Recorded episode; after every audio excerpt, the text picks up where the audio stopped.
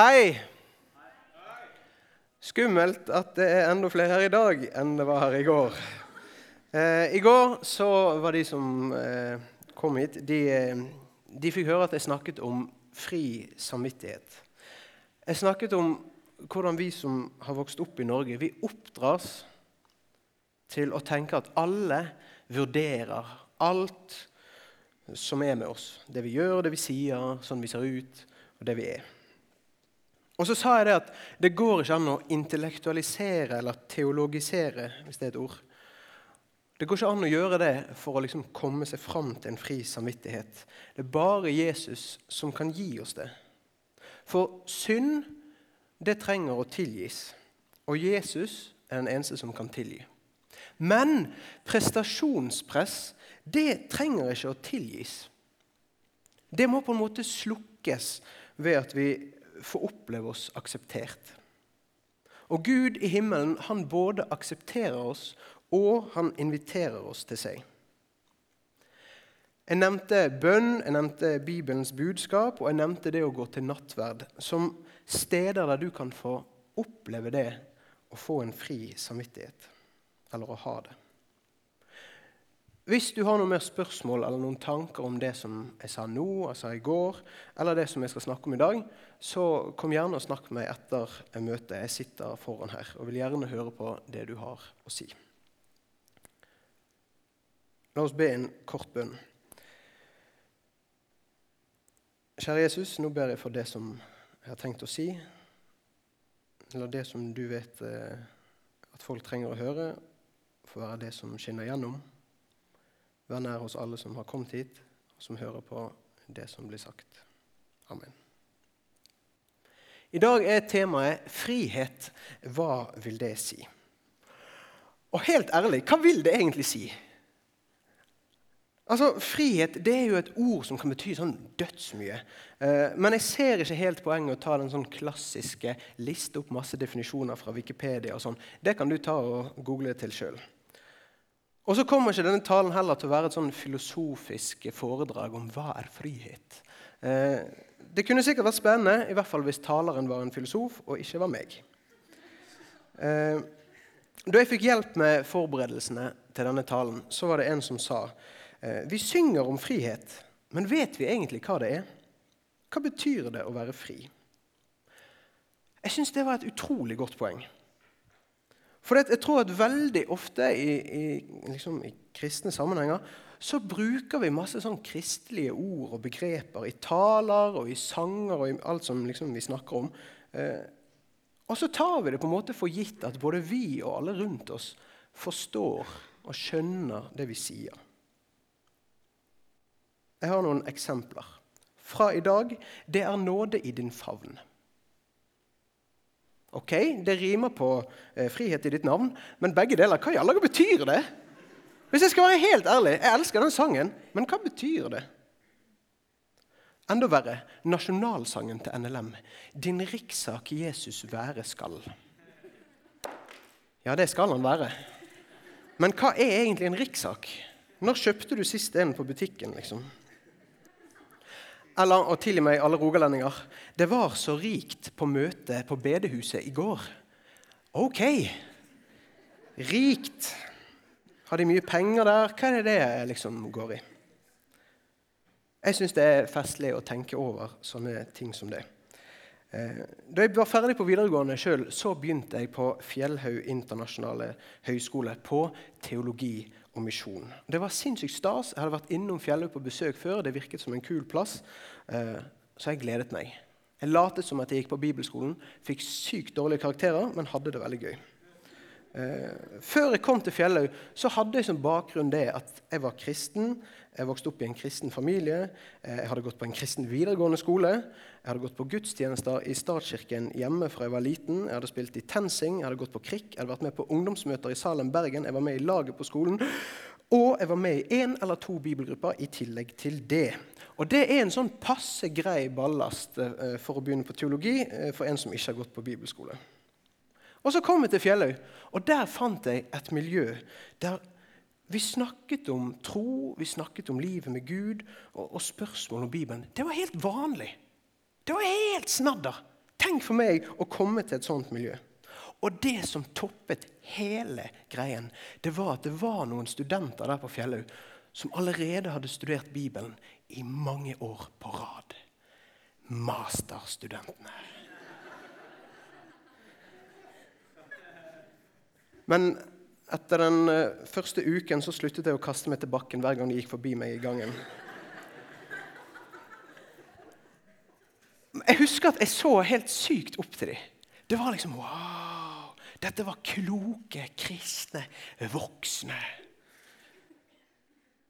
En kveld eh, så var det sånn at Helge, en av disse masterstudentene, han skulle ha en andakt. Og han skulle snakke om nåde. Og det han sa helt i starten av den andakten, det gjorde voldsomt inntrykk på meg. Og jeg husker det den dag i dag. Og jeg husker ingenting av resten av andakten hans. For der sto han, denne kloke kristne teologimasterstudenten. Han som kunne bøtter og spann om Gud og kristendom. Og det han velger å starte sin andakt med, det er nåde. Hvis noen kunne forklart meg hva det var, så hadde jeg blitt veldig takknemlig.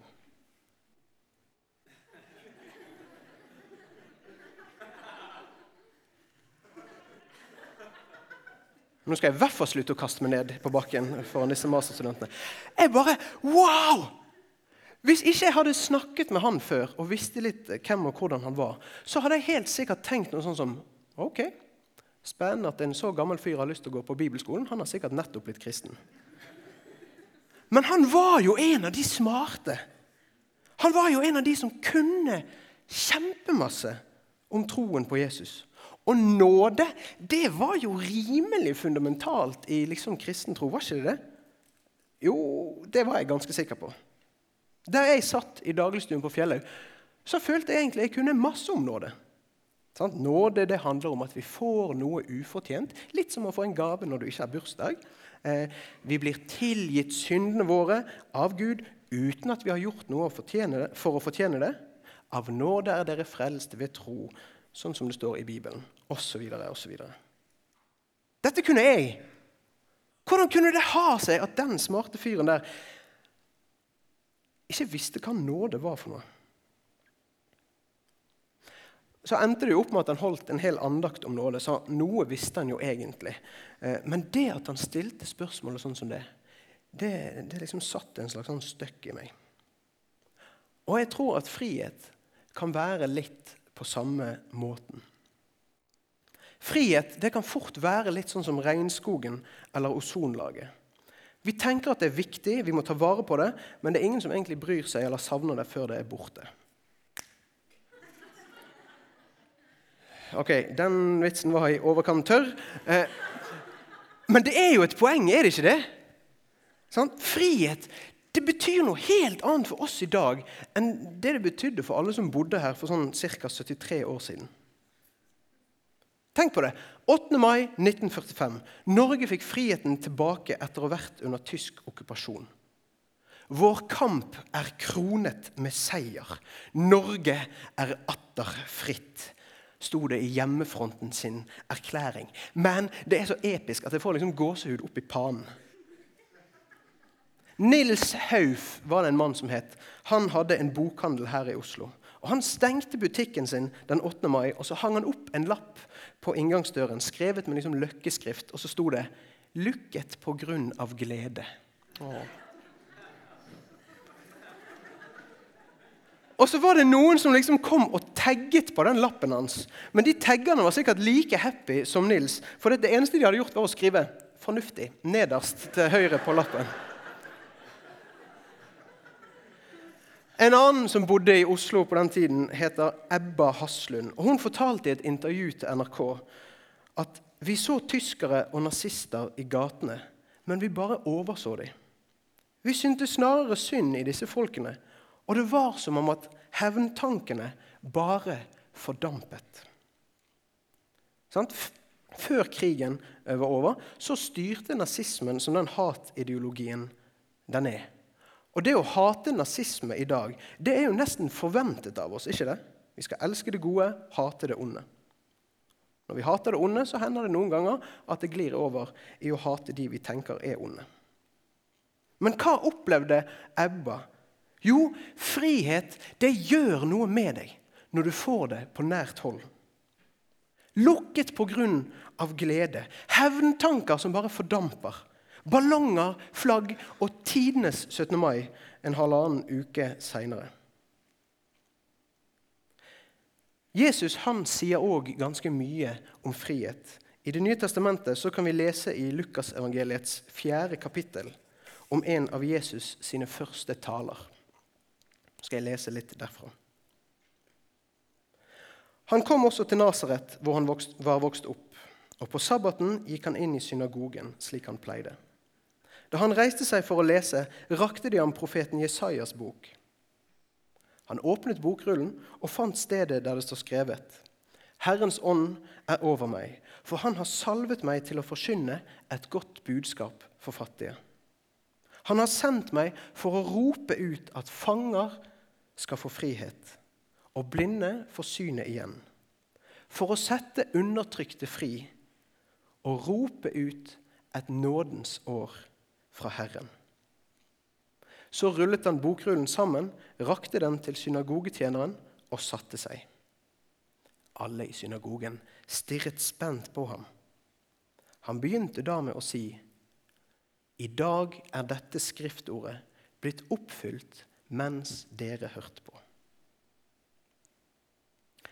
Ja, det var jo ganske positivt og oppbyggelig, var ikke det det? Sant? Godt budskap for fattige, et frihet for fanger, blinde som får se, yeah, undertrykte som blir satt fri. Og det toppes med dette her er nådens år fra Herren. Mm. Og folk som hørte på, de reagerte med en sånn blanding av undring og litt skepsis. Jeg, var ikke det der han sønnen til han er håndverkeren Josef?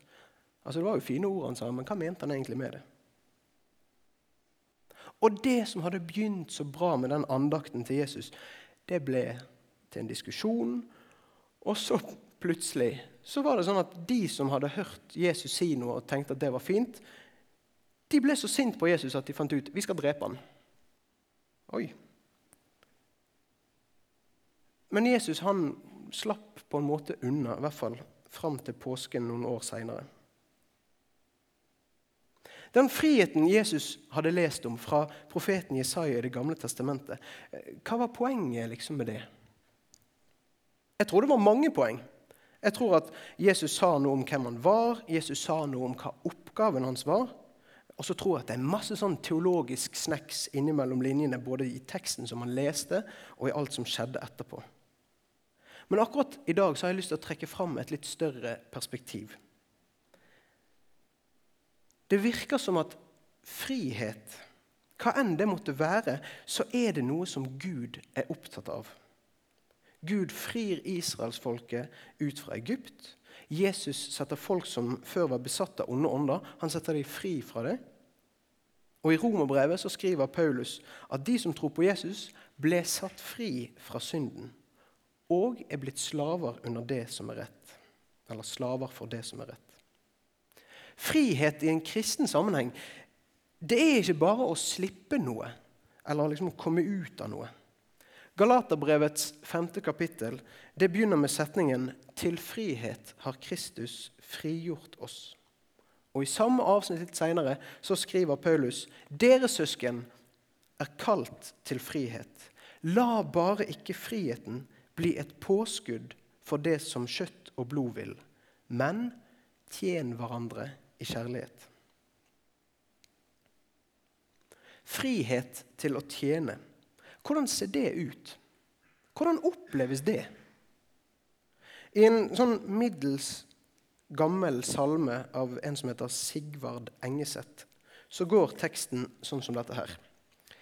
Kan jeg ikke blant kjemper stå fremst der seirene vinnes?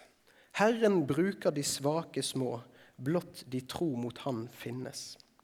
En som ikke de andre så, jeg får lokke og lede. Be han hjem til sin far å gå, det vil himmelen glede. Snart er tjenesten slutt på jord, fort som lynet går tiden. Dog fortsetter blant englekor liv og tjeneste siden. Derfor vil jeg som valgspråk ha, si og synge og mene. Det som ingen kan fra meg ta, frelst jeg er for å tjene. I går så snakket jeg om hvordan denne frie samvittigheten som Gud vil gi oss, den fungerer som en motgift mot prestasjonspress. En fri samvittighet det er det motsatte av å skulle gå rundt og føle seg vurdert opp og ned i mente. Hvordan kan det jeg nå sier, og det Bibelen sier, hvordan kan det henge sammen med det? Hvordan kan en ha en fri samvittighet, føle at prestasjonspresset liksom har gått vekk, og samtidig ha en bevissthet om at en er frelst til å tjene? Hvis du vil oppleve at det går an å liksom få til å henge sammen, så tror jeg at du først trenger å oppleve den friheten. Du trenger å oppleve at jeg er frelst av nåde. Jeg er tilgitt for alt det gale jeg har gjort, fordi Jesus døde for meg. Og ikke bare ble jeg det når jeg ble en kristen, men jeg forblir frelst. Jeg lever som en kristen av nåde, under Guds nådehimmel, hvis det er et ord. Jeg lever uten krav uten vurderingsmål som må oppnås. eller noe sånt som det der. Og når du kommer dit, når du får oppleve det, når det får gjøre noe med meg, når du er der at du stiller spørsmålet OK, men hva nå? Hva skal jeg med denne friheten? Når du kommer dit, så har Gud noe å si til deg. På NLM sine nettsider så sto det for to uker siden et intervju med en etiopisk mann som heter Tesfay. Og I intervjuet så forteller Tesfay om hvordan han ble kristen, og om hvordan hele familien hans òg etter hvert ble det. Og Som jeg nevnte i går, så var jeg i Etiopia med en gruppe elever fra Bibelskolen Fjellhaug eh, nå i februar. Og når vi var der, så fikk vi møte Tesfay og høre han fortelle vitnesbyrdet sitt sjøl. Og Det vitnesbyrdet det er litt sånn typisk eh, misjonsromantikk. Eh, blandet med en sånn voldsom åndelig virkelighet. Bare hør på hvordan intervjuet starter på nlm.no.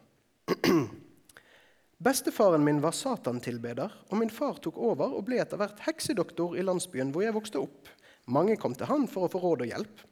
Blant mine søsken ble jeg valgt ut for å føre arven med demoniske ritualer videre, så jeg fulgte min far trofast og hjalp ham i tilbedelsen.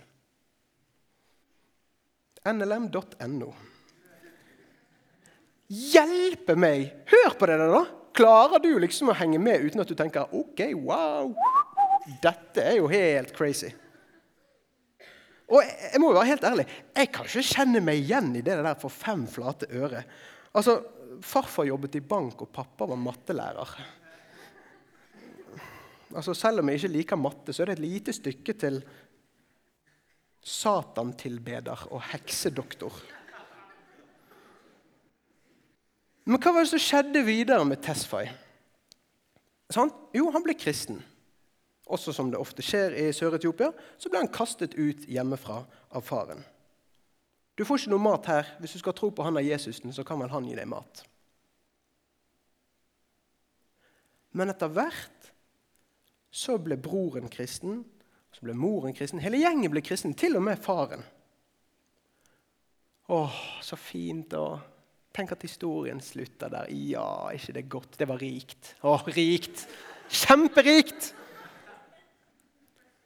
Ja, det var rikt, men historien slutter jo selvfølgelig ikke der. For plutselig, hvis du leser videre om Tesfay, så kan du kanskje kjenne deg igjen i det han forteller likevel. Da jeg var ferdig med videregående skole, var det eneste jeg ville, å studere videre. Slik at jeg kunne bli ingeniør og hjelpe familien min økonomisk. Men Gud hadde en annen vei for meg. Selv om jeg gjorde det ganske bra på skolen, var ikke karakterene gode nok til å starte på universitetet. Så jeg jobbet hardt for å forsøke å få bedre karakterer. Men så begynte Gud å si til meg at han ville at jeg skulle tjene ham. Jeg ville gjerne tjene Gud, men jeg ville ikke bli en evangelist. Jeg ville ikke være fattig, og evangelister er fattige mennesker.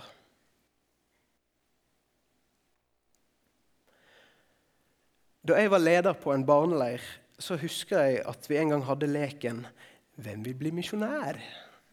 Og Det var fryktelig hipt og kult i 2002. Det var mye moro med liksom spørsmål om Bibelen, og så hadde vi musikken fra 'Hvem vil bli millionær?' i bakgrunnen. Uh, sånn. Fun for the kids. Men nå, når jeg tenker etter liksom, og tenker over det vi kalte det der opplegget, så er det liksom ganske annerledes. Hvem vil bli misjonær? Ja, egentlig ikke så mange. I hvert fall ikke jeg. Hvem vil bli misjonær, liksom? Hvem vil bli fattig? Hvem vil leve et sted der det bor giftige dyr? Ja, seriøst. Jeg kan godt reise på tur der, men hallo. Hvem har lyst til å reise bort fra familie og venner? Og kanskje det aller verste hvem vil prate med andre mennesker om Jesus utenfor kirkebygg og alt sånt som det der? Tesfaye han forteller videre. Til slutt ga jeg opp drømmen min og overga viljen min til Gud. Ok, hvordan gikk det da, Tesfay? Vel, Det som står på den nettsiden, er at det gikk opp og ned. Aller mest ned, egentlig. Det var ingen i kirken hans som ville støtte han med studiet. Så opplevde han at Gud liksom Kom an, dette kan du klare likevel. Og så begynte han på misjonsskolen, og da gikk det vel bra? Nei, egentlig ikke, for det var ganske hardt på det studiet. og han gikk gjennom en del vanskelige perioder i livet. Så fikk han etter hvert oppmuntringer gjennom forbønn og i fellesskap med de andre der. Han har egentlig hatt et ganske realistisk liv som jeg tror du kan kjenne deg igjen i. Ta opp fag, lyst til å bli ingeniør, få en liksom grei karriere på G. Kan godt tjene Gud òg, er jo kristen, sant? men ikke det der greiene der.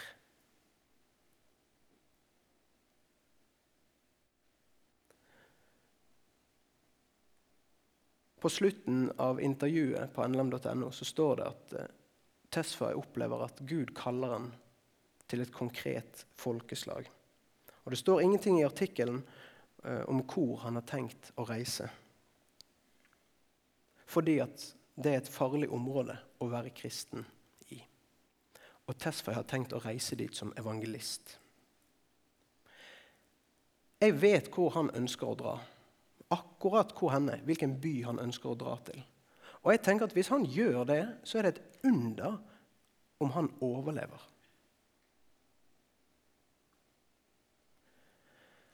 Litt grann alvor nå, folkens. Tenk over hva slagordet til NLM er. Verden for Kristus. Det betyr òg Taliban for Kristus. Det inkluderer òg IS for Kristus.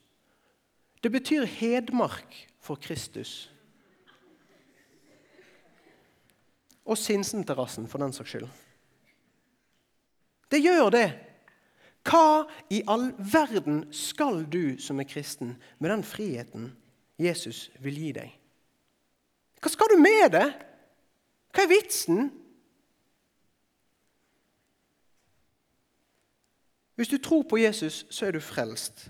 Og du er kalt.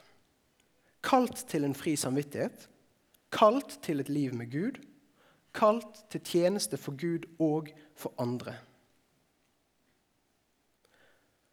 Og hvis du er et sted i livet, i troslivet ditt, der du spør OK, Gud, men hva nå? Nå har jeg liksom kommet et eller annet sted der jeg er klar for å spørre om det. Hvis du har kommet dit, så har jeg lyst til å avslutte eh, med en historie som jeg har hørt om grunnleggeren i Frelsesarmeen. William Booth, general William Booth, han hadde startet Frelsesarmeen. Eh, og så hadde han ledet den i 45 år av livet. Og I 1910, to år før han døde, eh, så var det forventet at han skulle komme og tale på den årlige storsamlingen til Frelsesarmeen, der alle på en måte kom. Men så var han blitt syk, og så kunne han ikke komme. Og de som liksom satt der på liksom Frelsesarmeen sitt GF og liksom var sykt klare for å høre sjefen over alle sjefer komme og tale, de ble selvfølgelig ganske sånn skuffet. Men vent, Booth han hadde en plan. Han ordnet med at det kunne blitt sendt et telegram med hilsen fra han, og så kunne den hilsen bli lest opp for alle som var kommet for å høre. Og På den tiden der så var det sånn at telegram det betalte du per ord du sendte. Og For han generalen der så var det jo sånn at han hadde bygget et arbeid som handlet om suppe, såpe og frelse. Mat og omsorg og evangeliet til de som er eh, fattigst. Og Han tenkte at de pengene vi har, de vil jeg helst egentlig bruke på de fattige. Så han tenkte så det knakte. Hvordan kan jeg skrive liksom en god hilsen og sånn, eh, og spare penger likevel og bruke det på noe bra? Og Så kom dagen, da. Og møtelederen han skulle lese liksom, eh, hilsen eller andakt som hadde kommet. Så hadde William Booth skrevet følgende, og nå skal jeg lese hele dette telegrammet. Others. Ett ord. Et eneste sabla ord. Andre. Andre mennesker. De rundt deg. Og så var det egentlig en andakt i seg sjøl. Hvordan er det for akkurat deg? Kanskje er kallet som Gud har til akkurat deg, ikke å droppe studiet, men bli ferdig med utdannelsen og så leve der du er, bruke de mulighetene du har gjennom den jobben du får, til å bety noe for de rundt deg. Kanskje så skal du ta kontakt med NLM Utland og spørre om litt informasjon om hvordan det er å bli misjonær. Kanskje skal du gjøre det allerede i morgen. Kanskje er det sånn at du skal bli en kristen. Det kan jo hjelpe. Og så kan du finne ut av ok, hva vil Gud egentlig bruke livet mitt til. Kanskje så skal du jobbe på Nordli eller Rema, og uten at du vitner så veldig mye, så blir du likevel den eneste kristne som alle de du jobber med, kjenner.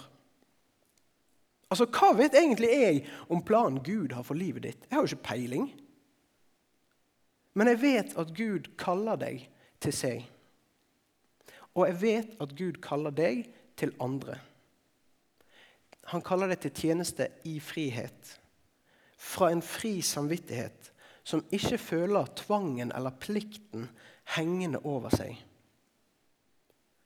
Han kaller deg til seg hele livet, og han kaller deg til andre hele livet. Og så får du veksle litt mellom det, alt ettersom hva du har behov for.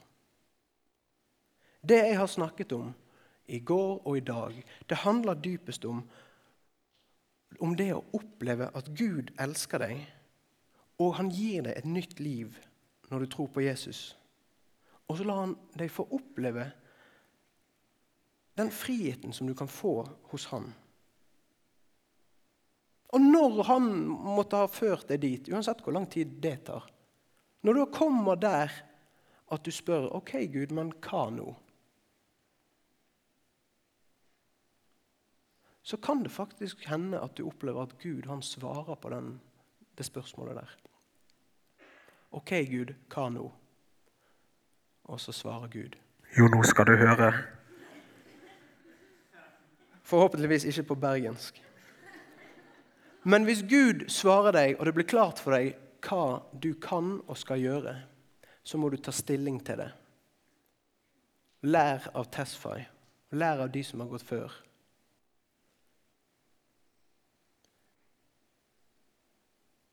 La oss be.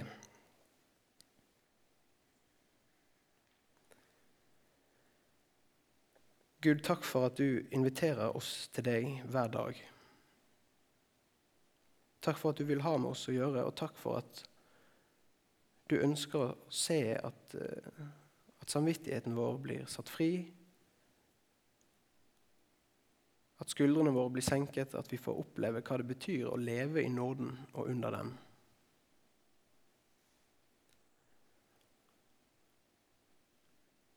Gud, takk for at frihet er, det er noe du gir oss, selv om vi ikke alltid er helt klarer å forstå hva det er. Hjelp oss til å bruke den og de andre tingene du gir oss, i tjeneste for deg og til velsignelse for de rundt oss. Gud, så ber jeg for alle som er inne her, at du leder dem på den veien du vil de skal gå. At de som skal gå langt, må få oppleve at eh, de blir støttet hele veien. Og de av oss som skal være her, må oppleve at eh, du kan jammen meg bruke oss her òg.